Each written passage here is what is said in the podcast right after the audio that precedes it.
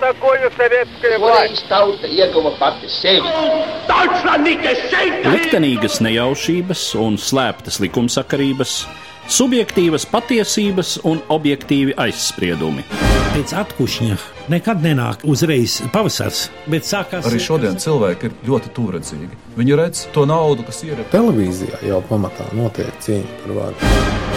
Pagātne no šodienas skatu punkta un šodienas caur pagātnes prizmu. Raidījumā šīs dienas acīm. Katru svētdienu Latvijas radio eterā Eduards Liniņš. Labdien, cienījamie klausītāji! Nu jau pāris nedēļas arī uz Latvijas kinoekrāniem skatāma režisora Alekseja Učiķeļa filma Matilde.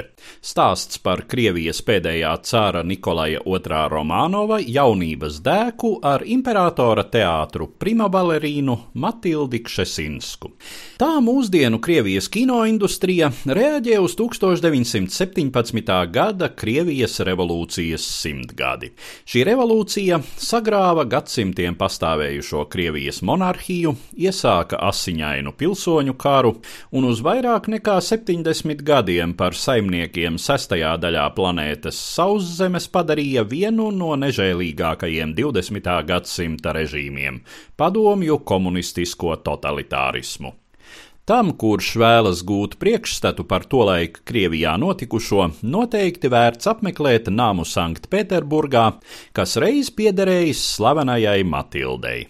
Graznā saurupmāja kādreizējās Krievijas galvaspilsētas centrā sasaistījusi balerīnas Kšesinskas, Romānovu dinastijas un Krievijas revolūcijas uzvarētāja bolševiku vadoņa Vladimira Ļeņina likteņus. Šodien kādreizējā Kšesinskas kundzes īpašumā darbojas Krievijas politiskās vēstures muzejs. Te kādreiz pastāvējušā Lielās Oktobra sociālistiskās revolūcijas muzeja mantinieks. Aizpagājušajā nedēļā es apmeklēju šo muzeju un tikos ar tā zinātniski izglītojošās nodaļas vadītāju, vēstures zinātņu kandidāti Jeļenu Lisenko. Viņas pavadībā aplūkoju muzeja ekspozīcijas daļu, kas veltīta 1917. gada notikumiem. Mūsu ekskursija sākās muzeja pirmajā stāvā, vietā, ar ko noslēdzas vēstījums par Krievijas impērijas laikmetu. Neliela telpa, imitēta dzelzceļa vagona iekšpuse ar manāmi slīpu grīdu. Atsauce uz notikumiem 1917. gada februārī, kad imperatora Nikolaja II vilciens, ar kuru cars bija devies uz armijas virspavēlnieka mītni pret valdnieka gribu, tika novirzīts uz Ziemeļu frontes virspavēlniecību Pleskavā. Sāka pienākt ziņas par galvaspilsētā uzliesmojušajiem nemieriem un rosinājumi no dažādiem valsts darbiniekiem un ģeneralitātes pārstāvjiem tautas uzticību zaudējušajam monarham atteikties no troņa. Stāsta Jeļena Lisenko. А за этой стеночкой находится вагон. Это, безусловно, музейное художественное решение, которое должно напомнить нашим посетителям о том, что отречение императора было подписано именно в железнодорожном вагоне под Псковом. Мы здесь сделали специально неровный пол, показать шаткость положения царя и движущееся пространство вагона. Здесь можно присесть, изучить телеграммы, с помощью которых генералитет и глава Госдумы Родзянко давят на императора, э, вынуждая его подписать документ. И вот это волшебное окно музейное. Aiz šīs sieniņas imitēts vagons, kam jāatgādina mūsu apmeklētājiem, ka imperatora atteikšanās no troņa tika parakstīta tieši dzelzceļa vagonā. Grīda ar nolūku ir veidota nelīdzena, lai parādītu cara stāvokļa nestabilitāti un vagona telpas kustību. Te var palasīt telegrammas, ar kurām ģeneralitāte un valsts domas priekšsēdis Radzjanko izdara spiedienu uz imperatoru, mudinot viņu parakstīt atteikšanās dokumentu. Un šeit muzeja burvju lokus, kurš izgaismojas tikai tad, kad apmeklētājs šeit ienāk.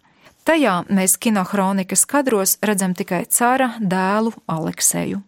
Mēs šajā kompleksā aplūkojam tikai vienu no daudzajām problēmām, ar kurām cars tobrīd saskārās - varas nodošanu dēlam. Pie cara vagonā ieradās parlamentārieši, valsts domas pārstāvis Šulgins un valsts padomas priekšsādātājs Gučkovs un prasīja atteikšanos no troņa tieši par labu mazgadīgajam zēnam. Gučkovs šo ideju ļoti labi apraksta savos memoāros. Krievu tauta tūdaļ iemīlēsies jaunajā, bezgrēcīgajā imperatorā, var teikt, eņģelī.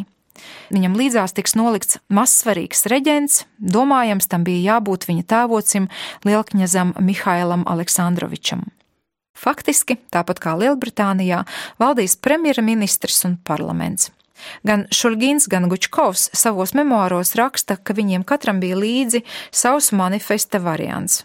Tātad viņi mājās bija uzrakstījuši katrs savu variantu, un Nikolais, kā viņi apgalvo, vienu no variantiem it kā pieņēmis un izgājis blakus telpā.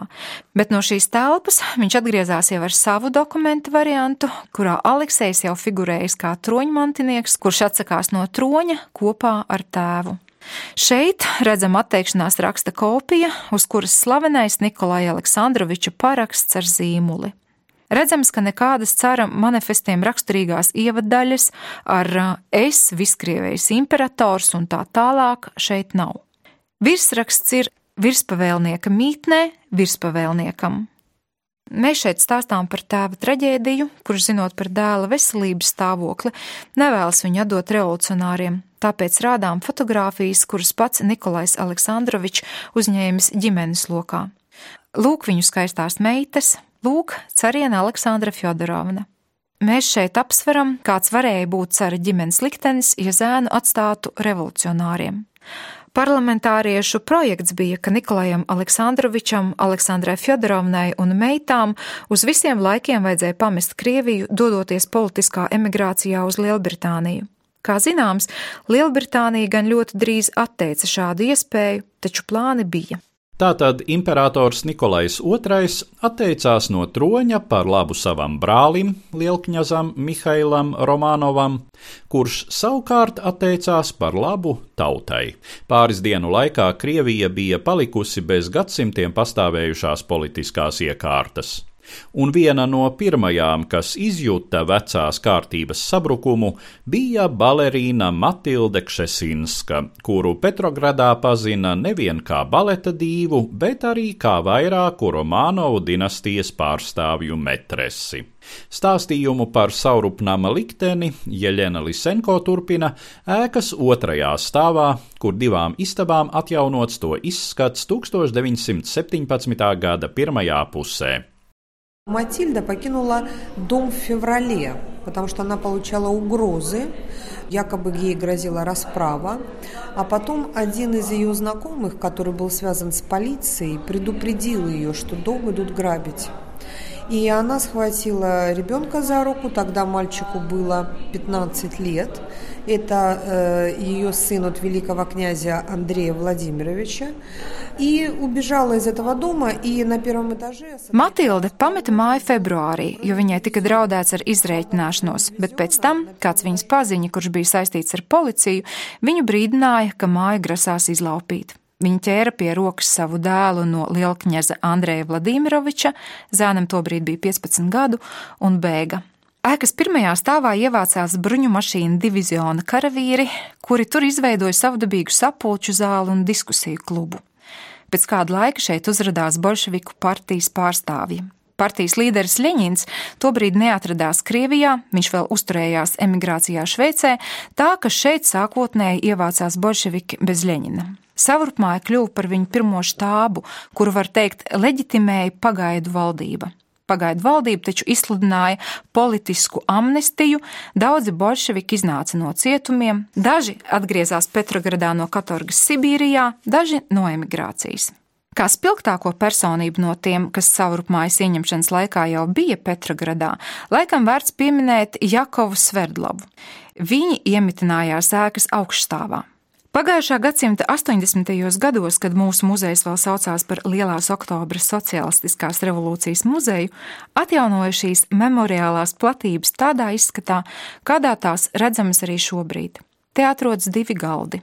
Tas ar telefona aparātu un tintnīcu piederēja tieši Sverdlavam. Tās ir viņa personiskās lietas.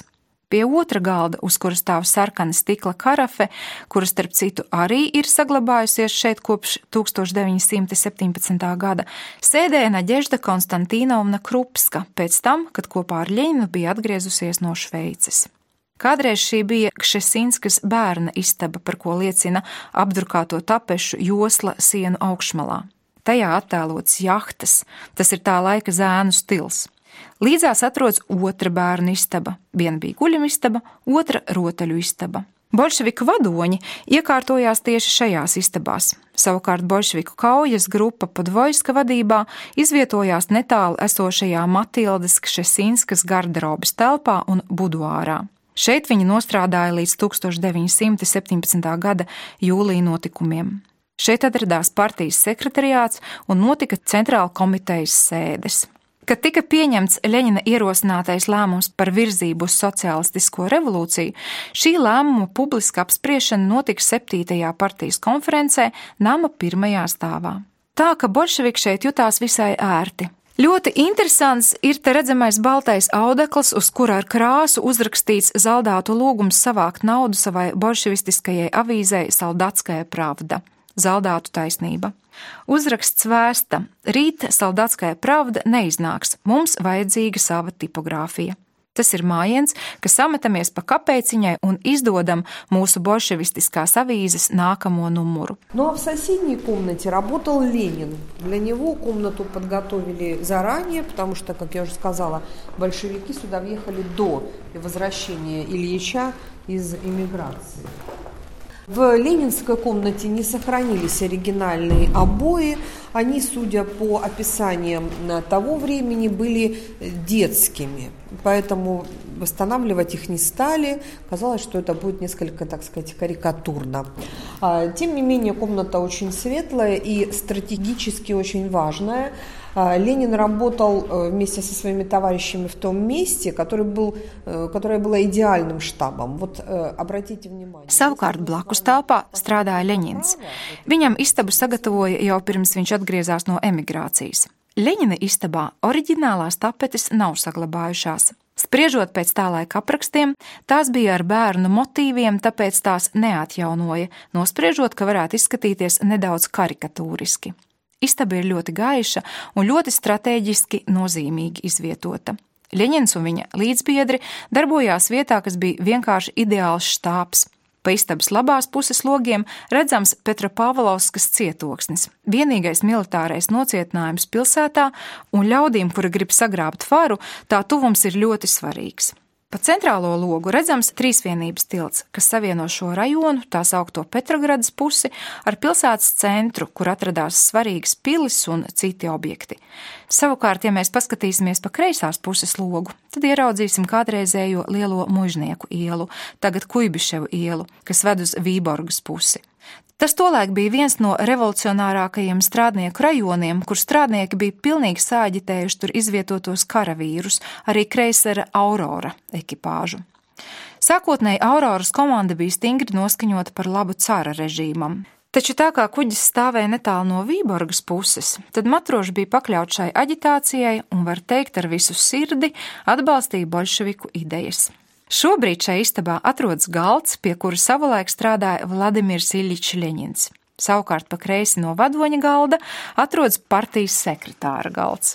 Pie šī galda tolaik sēdēja veca un nopelniem bagāta bolševiku kustības dalībniece Jeļena Stasova. Viņai bija, manuprāt, ļoti zīmīgs pagrīdes segvārds - absolūts. Tas liecina par viņas raksturu un stingro uzticību bolševiku lietai. Ir pilnīgi precīzi zināms, ka šeit Ļeņins nostrādāja no 1917. gada 4. aprīļa līdz 4. jūlijam. Visās padomju historiografijas annālēs ir pieminēts šīs telpas balkons, no kura Ļeņins uzstājās ar runām. Šeit viņš ieradās naktī no 3. aprīļa uz 4. aprīli, atbrauca ar bruņu mašīnu no Somijas stacijas, kur bija ieradies no Stokholmas pēc tam, kad kopā ar radikālu sociālistu grupu bija šķērsojis Vāciju, Vācu armijas virspavēlniecības speciāli sagatavotā vagonā. Jāteic, tobrīd no visas pasaules Krievijā atgriezās radikālie revolucionāri, un tas notika sekojot pagaidu valdības ārlietu ministra liberāļa Pāvela Nikolājeviča Miļukova aicinājumam. Viņš vēlāk, jau esot trimdā Berlīnē, atcerējās šo savu aicinājumu un izteicās, ka nesot varējis iedomāties, ka tieši dažādo politisko uzskatu ļaudis, kurus viņš aicināja atgriezties brīvajā Krievijā, vēlāk parūpēsies, lai pats Pāvels Nikolājevičs uz visiem laikiem pamestu dzimteni. Ļeņina brauciens cauri Vācijai ir visai interesants. Šajā īpašajā vagonā toreiz brauca ne tikai bolševiki. Ar Ļeņinu vienā kupejā bija viņa sieva Naģežda Krupska, viņa personiska draudzene Inese Armāna un partijas biedrs Zinovjevs, ar kuru viņš 1917. gadā ilgāku laiku pavadīja kopā. Kad 4. jūlijā Ļeņinu pasludināja par vācu spiegu un viņam nācās pamest kā šo nāmu, tā Petrogradu, Zinaujevs viņu pavadīja vispirms uz Rāzļivu, vietu netālu no Petrogradas, bet pēc tam, kad laiks kļuva augstāks, uz Somiju. Viņš atbrauca uz šo namu, uzkāpa šeit, otrajā stāvā, un no šī balkona atkārtoja savas tēzes par Krievijas virzību uz jaunu sociālistisko revolūciju. Tā, protams, bija īsta ideoloģiska bumba, jo visas citas Krievijas politiskās partijas bija pārliecināts, ka vairāk nekādu revolūciju nebūs, ka revolūcija ir notikusi un sākas jaunas demokrātiskas valsts celtniecība. Starp viņiem bija arī bolševiku partijas biedri. Tas pats Zinaujevs, arī Kameņevs sākotnēji neatbalstīja Ļeņina centienus ar bruņot spēku sagrābt varu. Taču galu galā Ļeņins savus partijas biedrus pārliecināja, un, kā mēs zinām, 1917. gada oktobrī vara tika sagrābta. Īsumā raksturojot notikumu gaitu no 1917. gada februāra līdz oktobrim, kad bolševiku vadītajai radikālo spēku koalīcijai izdevās pārņemt vāru savās rokās, Jāsaka, tā bija pakāpeniska noskaņojumu radikalizēšanās un līdz ar to centrālās varas vājināšanās. Sākotnēji pie varas nāca kņaza Georgija Ļvova vadītā valdība, kurā dominēja liberāls noskaņojums. Krievija tika virzīta pretī satversmes sapulces izveidei, kurai bija jāpadara tā par republiku vai Lielbritānijas parauga konstitucionālu monarhiju. Taču jau kopš februāra notikumiem valstī sāka veidoties faktiski paralēla varas struktūra strādnieku un zaldātu padomes. Šīs organizācijas par savu platformu izvēlējās vairāki radikāli spēki, dažādu nošķiru sociālisti un anarchisti. Pakāpeniski tajās auga Ļeņina vadīto bolševiku ietekme. 1917. gada jūlija notikumi, pēc kuriem Ļeņins uz laiku bija spiests bēgt no Petrogradas, bija pirmais radikāļu, bolševiku un anarchistu mēģinājums sagrābt varu bruņota dumpja ceļā. Mēģinājums izgāzās, jo armijas lielākā daļa tobrīd vēl bija uzticīga pagaidu valdībai. Tomēr jūlija notikumi noveda pie izmaiņām valdībā. Par valsts vadītāju kļuva ar sociālistu revolucionāru un darba partiju saistītais Aleksandrs Kerenskis, kura programma paredzēja sociālistiskas republikas veidošanu Krievijā. Kerenskis gan mēģināja balansēt starp dažādiem politiskajiem spēkiem, tomēr tomēr situācija arvien vairāk sarežģījās. Valdības galvas manipulācijas noveda pie ģenerāļa Lavra Korņīlova mēģinājuma pārņemt situāciju armijas kontrolē, lai daudz maz sekmīgi turpinātu karu pret Vāciju, bet iekšpolitiskos jautājumus risinātu pēc kara. Taču armija, radikāļu aģitātoru apstrādāta, vairs nepakļāvās ģenerāļiem. Rezultātā tikai pieauga bolševiku ietekme, kas oktobra nogalē īstenojās militārā apgādājuma apvērsumā. Vēlāk to nodēvēs par Lielo oktobra sociālistisko revolūciju. Par šiem notikumiem vēsta ekspozīcijas turpinājums, kurp mani vada Jeļena Lisenko. Далее у нас идет рассказ о формировании Красной гвардии, Которая в дальнейшем станет основой Красной армии. Здесь не случайно представлены Ленин и Троцкий. Это как раз те люди, которые изначально спорили по поводу судьбы революции, но к октябрю 17-го они уже были уверены, что вопрос о власти нужно решать только одним способом – вооруженным захватом власти. Здесь у нас представители военно-революционного комитета. Tālāk mēs stāstām par sarkanās gvardas veidošanos, kas vēlāk kļuva par pamatu sarkanajai armijai. Te līdzās redzami Ļeņins un Trotskis. Sākotnēji viņi strīdējās par revolūcijas likteni, taču 1917. gada oktobrī jau bija vienisprātis, ka varas jautājums risināms tikai vienā veidā - sagrābjot varu ar bruņotu spēku. Te redzami materiāli par bolševiku izveidotās Petrogradas kara revolucionārās komitejas, kā arī citu Smoļnija institūtā izvietoto bolševiku institūciju darbību. Te redzams komitejas personāla sastāvs. Komitejā dominē radikāli noskaņotie bolševiki, tie, kuri jau sākotnēji orientējās uz bruņotām akcijām - Antonovs Avsējenko, Dibenko, Podvojskis, Sverdlovs, Molotovs un citi. Tieši viņi pamudināja Ļeņinu atbalstīt 4. jūlija demonstrācijas, kuru iniciatori bija nevis bolševiki, bet anarchisti, un kas noveda pie krīzes attiecībās starp Petrogradas strādnieku un zaldātu padomi un pagaidu valdību. Un tieši šī kara revolucionārā komiteja arī bija galvenais orgāns, kas vadīja bolševiku bruņoto apvērsumu 1917. gada oktobrī. Tāpēc tepat mēs redzam apģērbu, kas piederējis tiem, kuri devās uzbrukumā ziemas pilī - matroža kreklu un beznaga cepuri, kā arī ādas frenci. Tieši šādos frenčos, kā zināms, vēlāk ikdienā parādījās bolševiku komisāri. Reiz tikuši pie varas, bolševiki to vairs neizlaida no rokām, sākdami būvēt savu totalitāro valsts pārvaldes sistēmu. Viņi gan pieļāva Krievijas satversmes sapulces ievēlēšanu, taču, kad vēlēšanās uzvarēja viņu konkurenti, Socialistu revolucionāru partija, sapulci tās otrajā darba dienā ar militāru spēku padzina. Tas sanaidoja bolševikus ar vairumu citu Krievijas socialistiskās ievirzes partiju. Savukārt konservatīvajiem spēkiem par nepiedodamu grēku kļuva 1918. gada martā noslēgtais Brest Brest-Litovskas mierlīgums, ar kuru bolševiku valdība atdeva Vācijai un tās sabiedrotajiem plašas bijušās Krievijas impērijas teritorijas. Krievijā sākās vairākus gadus ilgs asiņains pilsoņu karš, par kuru vēsta ekspozīcijas turpinājums. Ienākot šajā telpā, uzmanību saista virs durvīm novietots pamatīgs koka stumbenis. Над входом в зал один из самых страшных экспонатов нашего музея – это сук, на котором вешали красноармейцев, ни много ни мало. В девятнадцатом году, когда был организован наш музей, он тут же стал собирать агитационные вагоны, в которых сотрудники музея... Bet šis virs ieejas ir viens no šausminošākajiem mūsu muzeja eksponātiem.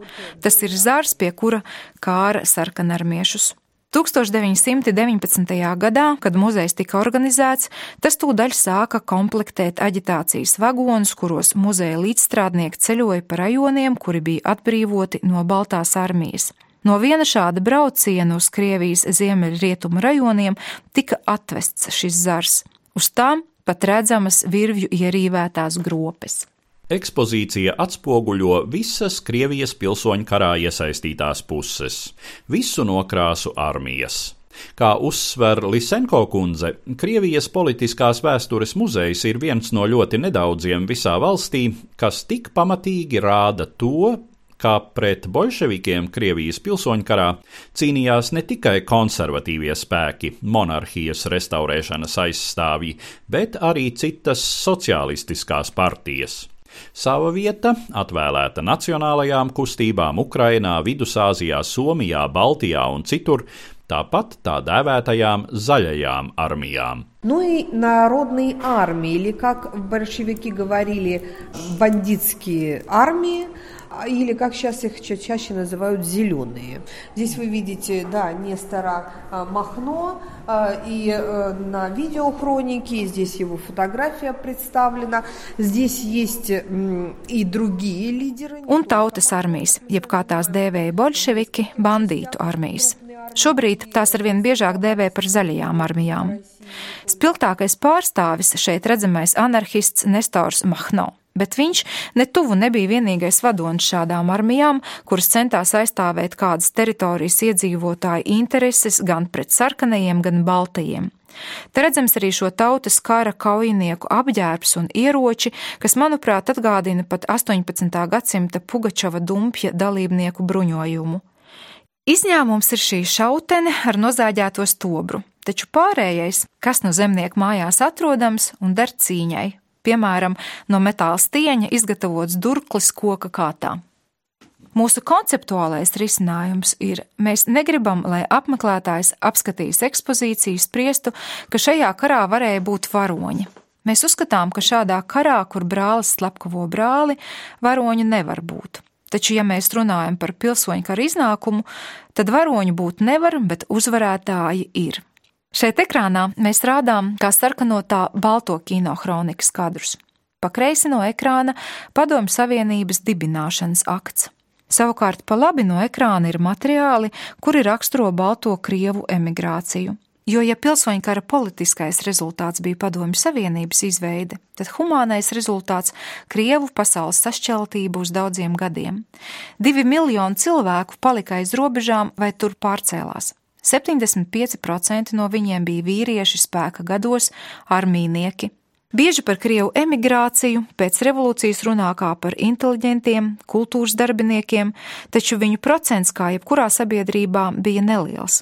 Galveno emigrācijas masu veidoja Balto armiju karavīri, bijušie zemnieki, un šāda cilvēku skaita zaudējums bija smags trieciens Krievijai neatkarīgi no tā, kāds bija sociālais modelis - sociālistisks vai kapitālistisks. Un nu vēlreiz atgriezīsimies mūsu ekskursijas sākuma punktā Zālē, kas vēsta par Romānovu dinastijas galu. Šīs ekspozīcijas centrā liels cara Nikolaja II portrets, kuru klāja daudzas šūves. Kāds savulaik pamatīgi apstrādājis audeklu ar kādu duramo. Здесь расположен один из уникальнейших экспонатов нашей коллекции – Это портрет Николая II, который, по словам э, сотрудников Эрмитажа, висел в Зимнем дворце в его почевальне. А, портрет был написан в самом начале XX века монахинями Новотихвинского монастыря, которые сейчас функционируют э, в Екатеринбурге. И этот монастырь, он находится буквально в 15 минутах ходьбы от Ипатьевского дома, где была убита царская семья. И мы с вами вот в таких Šis ir viens no mūsu kolekcijas unikālajiem eksponātiem - Nikolai II portrets, kurš saskaņā ar Ermitāžas muzeja darbinieku teikto karājies viņa guļamistabā. Portretu pašā 20. gadsimta sākumā gleznojušas Novaķihvinas klostera mūķenes. Šis klosters joprojām darbojas Jekaterinburgā. Klosteris atrodas burtiski 15 minūšu gājienā no vietas, kur atradās inženiera Ipātjeva nams, ēka, kuras pagrabā cara ģimene tika noslapkavota. Šī pagrabā tēlus mēs šeit redzam. Līdzās pirmā lapuse no Bolševika Jurovska atmiņām, viņa atskaita priekšniecībai par padarīto. Jurovskis vadīja 1918. gada 17. jūlijā notikušās slepkavības norisi. Un vēl zīmējums, kuru jau 20. gados veidojas viens no slepkavības dalībniekiem. Tas ir īpaši interesants, jo šādi zīmējumi tapa aģitācijas nolūkos. Notika daudzas lekcijas, ar kurām uzstājās Ipāķeva nama notikuma dalībnieki. Šīs lekcijas saucās Kā mēs taisījām revolūciju, un pamatā tās lasīja armijas daļās un pionieru nometnēs. Pastāvēja ļoti spilgta leģenda, kurai gan mēs neatrodam apstiprinājumu, taču tā ir ļoti zīmīga. Pēc otrā pasaules kara maršals Georgijs Žukovs tribīnai sastapies ar Jurovski, kurš devies prom pēc uzstāšanās karēvi priekšā. Starp citu, ļoti interesanta detaļa. Jurovskis ilgu laiku bija visas padomju Savienības muzeju nozares vadītājs. Tātad Jurovskis nu pat pabeidzis savu vēstījumu par to, kā viņi savulaik nogalinājuši caru, un no tribīnes nokāpdams esot sniedzis Žukovam roku ar vārdiem: Lūk, tā biedri Žukov, mēs tā taisījām revolūciju. Bet Džukovs, kā vēsta leģenda, viņam roku nedevis un pagājis garām kā tukšai vietai. Tas ir ļoti zīmīgi, ka jau pēc otrā pasaules kara, kā mēs noprotam no šīs leģendas, pozitīvi vērtētais Džukovs tautas apziņā tika pretstatīts Jurovskim, tātad negatīvi vērtētam. Tātad 40. gados ļaudis pret asinsūcēju imperatora nogalināšanu attiecās vairs ne tuvu ne ar to jūsmu, ar kādu iespējams to uztvēra 20. gados.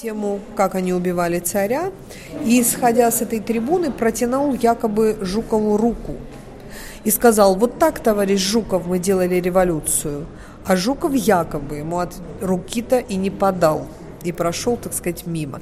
Но это такая показательная вещь, что уже даже после войны, как мы с вами понимаем, Жуков был человек скорее с знаком плюс, а Юровский, получается, уже со знаком минус. То есть уже в 40-е годы люди не так восторженно относились к убийству кровопийцы императора, как это, возможно, было в годы 20-е. Šeit es noslēdzu savu vēstījumu par manu viesošanos Krievijas politiskās vēstures muzejā Sanktpēterburgā, kur pa 1917. gada notikumiem veltīto ekspozīcijas daļu mani izvadāja muzeja zinātniski izglītojošās nodaļas vadītāja, vēstures zinātņu kandidāte Jeļena Lisenko. Raidījumā šīs dienas acīm nākamā svētdien dzirdēsiet mūsu sarunas turpinājumu, kurā sīkāk iztaujāšu Lisenko kundzi par atsevišķiem 1917. gada revolūcijas aspektiem. Katru svētdienu Latvijas radio viens par pagātni sarunājas Eduards Liniņš.